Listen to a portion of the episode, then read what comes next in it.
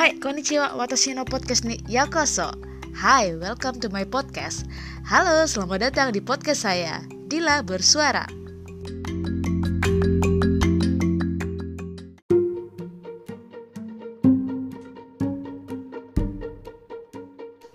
Ah, kesel banget gue hari ini. Sambat pengen nyambat nih, tolong dong, tolong dong, dengerin gue dong, pengen nyambat.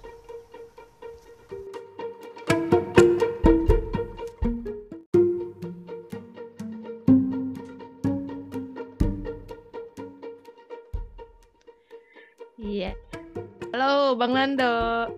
Selamat sore Mbak Dila. Untuk Selamat. Eh, kalau dilihat dari matahari di sih Fukuoka masih sepertinya sore sih. Iya masih jam Mm-mm. 5 mataharinya kalau waktu Indonesia. bener. Eh, suara Dila jelas nggak? Suaranya jelas. Kalau suara saya jelas nggak Mbak Dila? Jelas banget nih, bersih banget. Lagi di mana nih? Masih di lab. Iya, ini Gomen ya sore-sore udah ngeganggu, nelpon. Anyway, selamat ya, baru dapat gelar dokternya ya kemarin. Belum. Oh, tinggal wisuda doang kan? Belum. Hasilnya itu masih hasilnya itu masih dirapatkan hari ini. Nah, Sensei itu sampai sekarang ini. Sengaja mau bikin dan bikin atau gimana nih? Aduh. eh, tapi Bapak, sidang terbuka udah kan? sidang terbukanya udah. Kalau sidang terbuka tuh nggak ada sejarahnya, nggak nggak lolos. Ah, yang benar. Kecuali abang jadi orang pertama. Kenapa? Kecuali kalau kecuali kalau Jarang abang jadi baru orang ya. nggak pernah yang sejarah baru nggak ada ceritanya kecuali kalau kalau sidang tertutup sidang Oh. tertutup ada kemungkinan ngulang lagi itu Oh. dila Itu. iya jadi kalau udah sidang terbuka tuh udah kayak eh, bahasa informalnya dokter itu udah udah di tangan tangan. Alhamdulillah. Wih, Itu September keluarga bakal datang untuk wisuda Nggak ada yang datang kan nggak boleh ada wisudawan kan? Wisudaan kan? ya gue basa-basi doang sih bang Iya sih. Cuma Iya. kita doa, nggak Iya. boleh ada yang lain kan? Eh, kalau Dila sih kan eh, wisuda periode Maret kemarin dan emang nggak datang, emang nggak datang ke wisuda karena waktu itu juga COVID-19 baru mere- me- merebak kan. Mm-mm. Iya, Dan masuknya lagi juga susah kan? Masuk Jepang sekarang harus tes tes iya, ini. Itu ya udahlah. Ini nggak usah. kayaknya kita bisa keluar mungkin ya, mungkin kita bisa keluar Jepang tapi untuk masuk lagi nggak bisa. Itu susah, iya untuk baliknya. Jadi kalau misalnya ada Iya. keluarga yang datang pun susah. Mau datang ah, udahlah. Wisuda jomblo Iya. aja, sudah sendiri. Aduh sedih. Tapi kan ada kawan-kawan PPI yang bakal datang Iya. Nanti ngerayain. sewa aja lah. Nyewa siapa lah gitu di situ.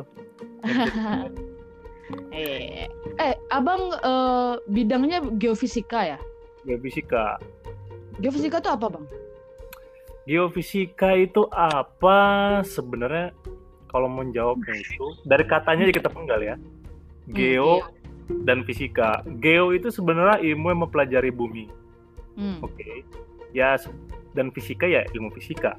Jadi gampangnya itu geofisika adalah ilmu yang mempelajari bumi Hmm.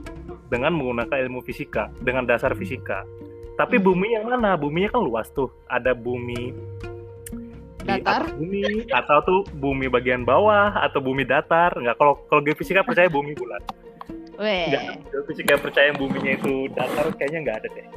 Gitu. Hmm. Eh, terus kalau misal jadi kalau misalnya geofisika ini ibaratnya kita mempelajari sesuatu yang di dalam bumi Hmm. berdasarkan sifat fisika, sifat fisis. Contohnya berdasarkan temperatur, Hmm. kemampuan mengantarkan listrik ataupun konductivitas, kemagnetan, densitas, kecepatan merambat gelombang, dan lain-lain Hmm. lah kurang lebih kayak gitu. Hmm. Dia itu sebenarnya bukan jurusan sendiri sih kalau melihat histo kalau di melihat historinya itu dia tuh jurusannya itu kalau nggak dia itu turunan dari fisika, fisika Hmm. kan jurusan prodi fisika itu kan ada banyak macam-macam itu ada fisika nuklir, fisika ini, fisika itu, nah turunnya itu fisika Fisika bumi medis. atau ya Ah. fisika medis. Nah, atau dia turunan dari jurusan yang biasanya namanya jurusan geologi. Geologi kan ada jurusan sendiri tuh. Ada Hmm. geochemistry, geo geo apa, geo apa. Nah, dia turunnya tuh paleontologi, dia jurusan turun dari itu. Jadi dia bukan pure ilmu sendiri tapi dia tuh perpaduan sih, semuanya geologi dan fisika kalau gue bilang kayak gitu. Hmm. Hmm, gitu. Jadi eh geopolitik eh geopolitik geofisika itu hal-hal yang berhubungan bukan. dengan dengan fisika tapi di di di lebih fokusnya ke permasalahan bumi gitu ya Ya, hal bukan hal-hal yang terjadi di bawah permukaan bumi yang dilihat secara fisika itu yang paling gampang. oh hal-hal yang terjadi di bawah permukaan bumi yang dilihat secara Dilihat fisika secara fisika. Gitu. Itu Mantap. lagi Nah. sifat fisika. Betul. oh ber- berarti salah satu contoh kasus yang dipelajari orang-orang geofisika itu gempa kan Betul, gempa. Hmm, Nah, Dila nih mau curhat dikit, Bang. Jadi di sambatisme PhD ini lebih ke sambat, artinya ngeluh. Ngeluh Oh. hal-hal yang berhubungan dengan apa pun. Eh, dan ada satu keluhan nih dari Dila. Jadi dua hari yang lalu, eh, Dila kan dari Sumatera. Ya. Dua hari yang lalu itu di Bengkulu, itu terjadi gempa, Bang. Apa ya? 6,9 skala Richter. Iya, yang gede. bisa sampai ke Singapura. Getarannya bisa kerasa sampai Singapura. sebenarnya sampai ke Jepang Nah. juga sih. Kedetek. Oh, serius? Serius, kedetek sampai Jepang. Gempa mah eh gem- Jepang mah gempa mulu soalnya. Iya. Jadi Dila tuh ada trauma, trauma dengan gempa. Nggak tahu sih ada ada orang Indonesia yang nggak trauma sama gempa. Cuma Dila adalah salah satu orang yang trauma sama gempa. Jadi kenapa Dila milih kuliah di Kyushu? Karena di Tokyo itu terkenal rawan gempa.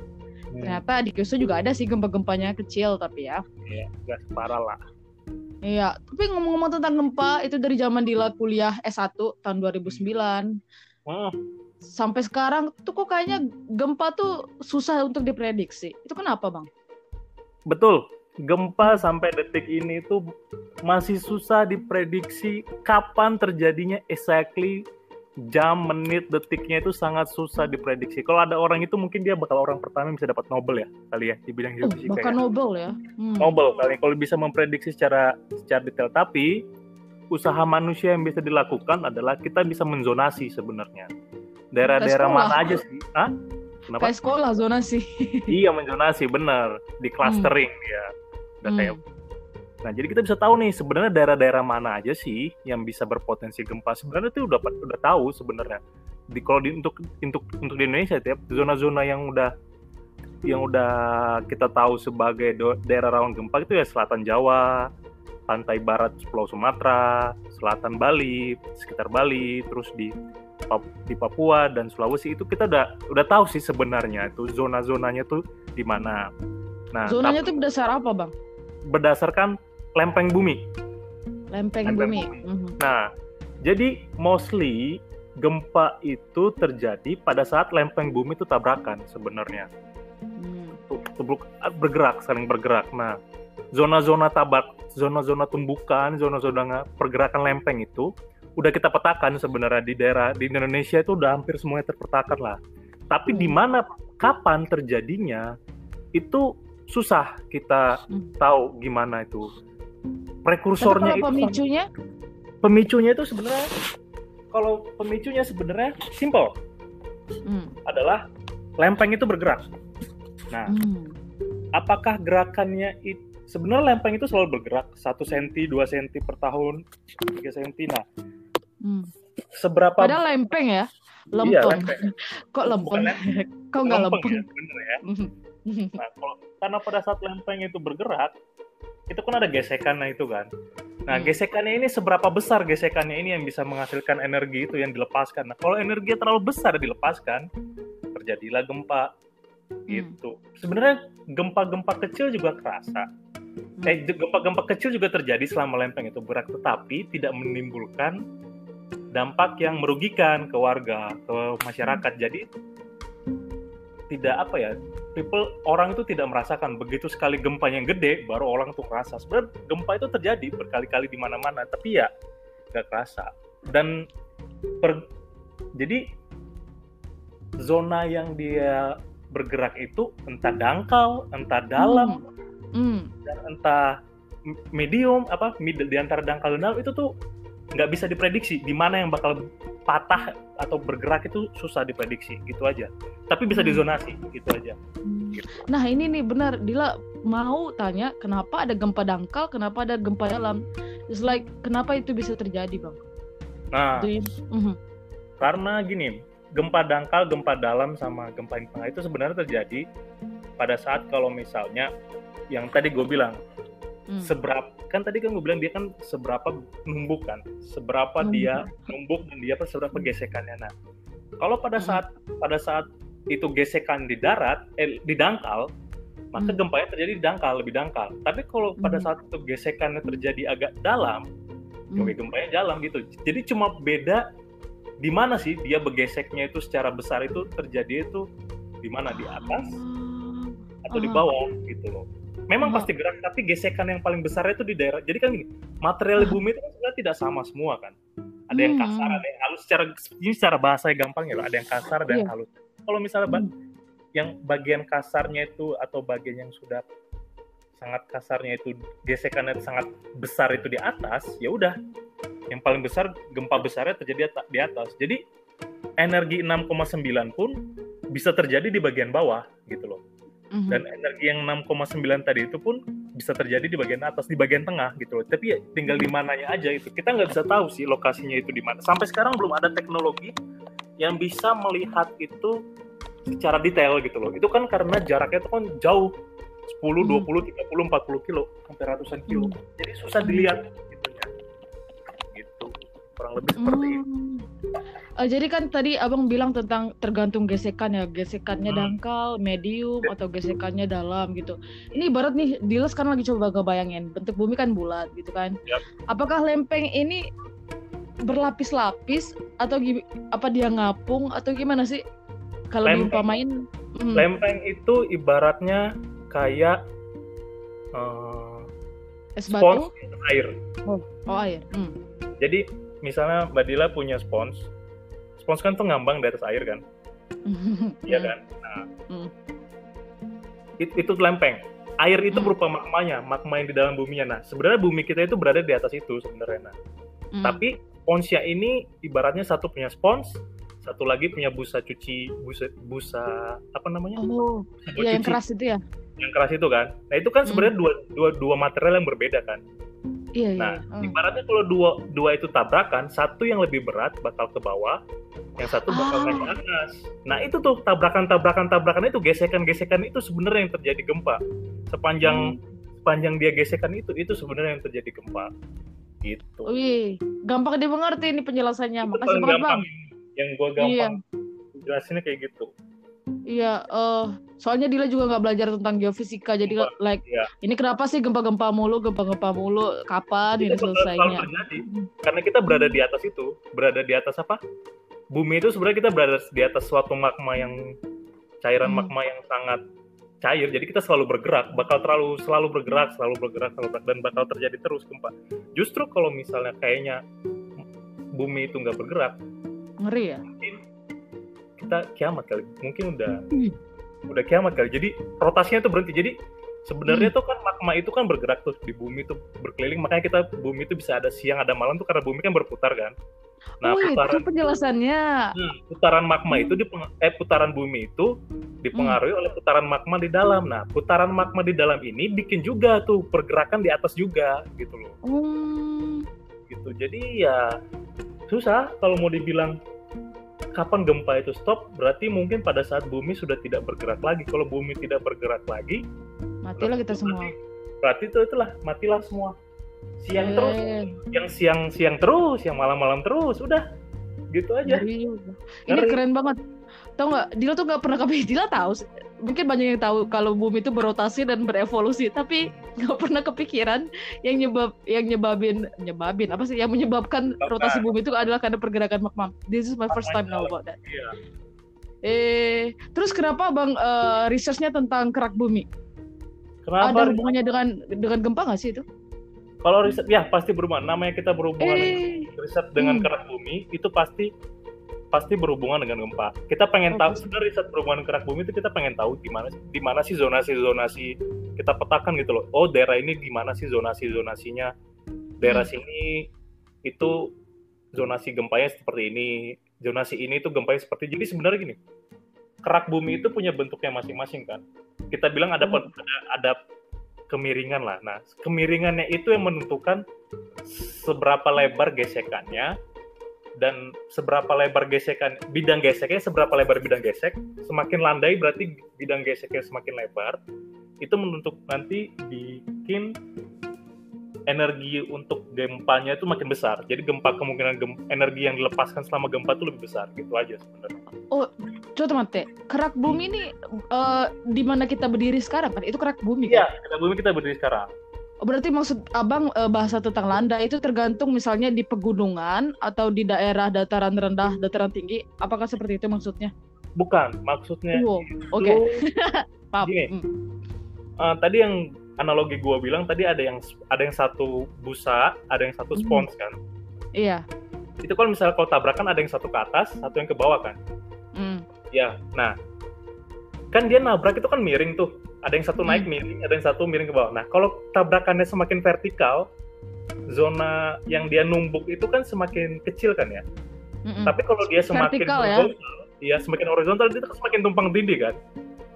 Oh, Nah, itu semakin lebar zona itu, semakin lebar zona gesekan tumpang tindih. oh, Itu ah, ah, ngerti, ngerti, ngerti. Ah, apakah itu juga yang bikin adanya nggak tahu nih korek atau enggak ya? Apakah ini juga, eh bang, suaranya jauh bang. Oke. Apakah apakah ini juga yang yang menyebabkan ada dua jenis gempa, gempa yang terasa vertikal dan gempa horizontal? Itu apakah itu maksudnya?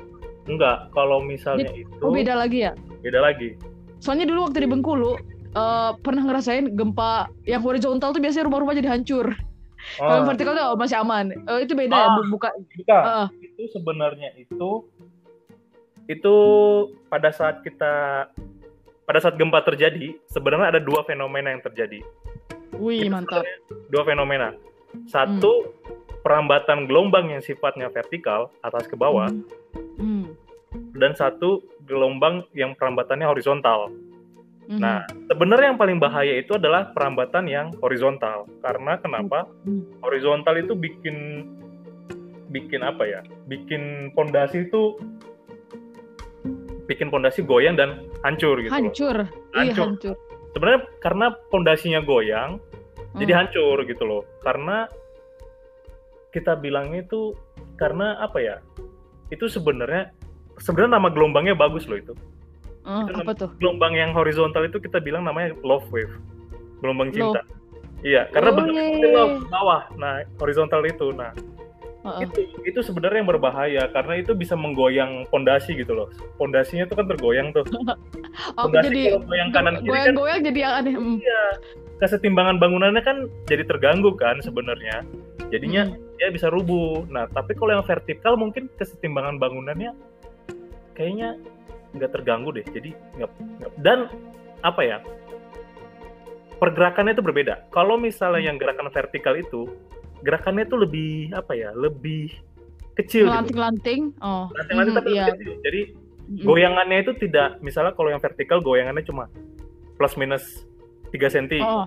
Mhm. tapi kalau yang horizontal ini goyangannya itu bisa plus minus misalnya 20 cm dari posisi awal 20 cm Hmm. kanan dan 20 cm kiri ke kiri nah itu kan jadi lebih lebih bahaya gitu yang horizontalnya itu gitu Hmm. tapi dua-duanya Hmm. itu terjadi setiap gempa dua-duanya terjadi gitu Oh, nggak salah satu gitu ya? dua-duanya selalu terjadi gitu Itu dulu trauma berat loh sama sama sama gempa yang berasa vertikal mau di mau di Bengkulu, mau di Padang. Ya, it's like dua-duanya terjadi Abang pernah ngerasain gempa gak sih? Waktu Di di. Indonesia atau di mana pun? Di sini justru yang marahin sama di Tokyo yang lebih sering dulu Oh, oh sempat di Tokyo waktu itu. Pas di Tokyo Tokyo kan ngeri banget. Apalagi yang tahun 2011 itu 2011 gempa Tohoku kan.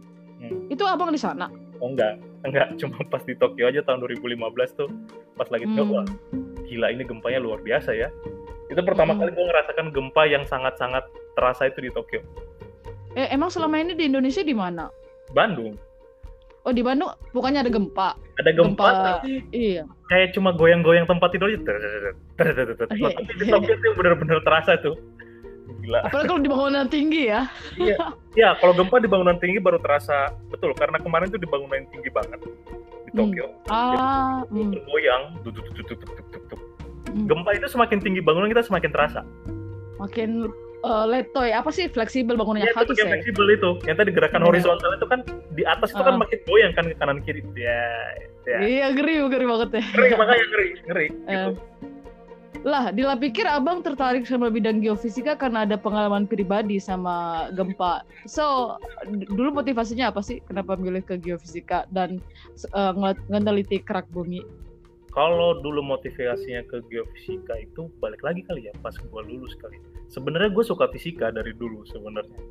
Weh. Gitu. Mhm. Dan tapi Lulus apa nih? S1, S2, S3, SMA? SMA, lulus SMA tuh gue Oh. paling suka pelajaran tuh fisika kalau gue. Fisika sama Hmm. matematik. Wih sama. Oh, matematika enggak sih? Hmm. ya fisika sama matematik. Nah sebenarnya katanya gue orang gini, kalau mau masuk fisika itu fisika itu lanjutnya itu ke mana sih? Katanya kalau nggak teknik teknik sipil, ke Elektro. elektro dan kawan-kawan gitu kan. Nah, Mhm. tapi gue waktu itu pengennya apa sih yang paling dekat sama industri industri Hmm. oil and gas. Nah, yang paling dekatnya itu adalah geofisika. Kenapa kayak gitu? Hmm. Karena karena di salah satu geofisika itu adalah karena tadi gue bilang geofisika itu sebenarnya melihat sifat bumi, melihat Mhm. sifat bumi dengan sifat fisika kan. Nah, Mhm. jadi mereka tuh ibaratnya dokternya bumi. Jadi dia bisa melihat apa sih isi bumi berdasarkan sifat fisika. Nah, Hmm. jadi gua itu tertarik karena dulu ada yang bilang lu kalau misalnya kerja geofisik, kalau lu misalnya di geofisik, lu itu bakal bisa tahu di mana posisi minyak berada, gas berada, barang tambang di mana. Nah, di situ gue belajar tertariknya dari geofisik tuh di situ. Dengan Mhm. menggunakan ilmu fisika gue bisa belajar kayak gitu.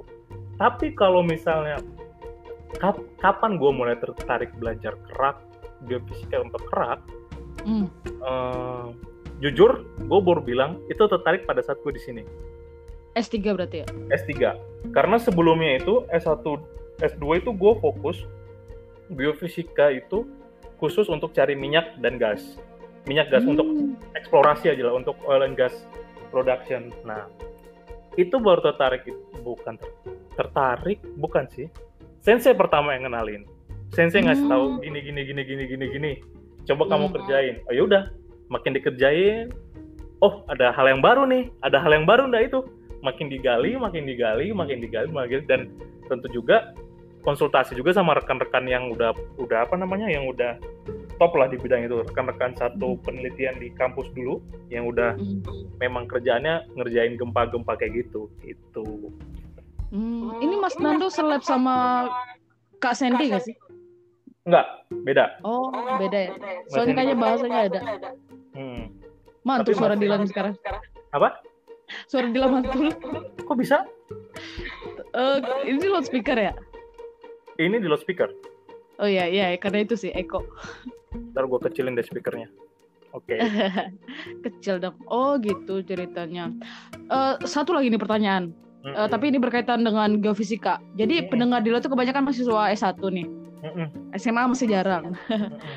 Eh, kenapa geofisika di Indonesia itu masih eh, cuma kayaknya kampus-kampus yang punya geofisika atau geologi itu cuma ITB.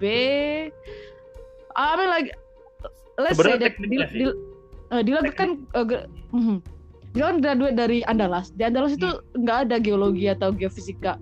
Terus eh, kenapa cuma ada di di universitas eh, apa sih universitas apa aja sih di Indonesia yang ada geofisika?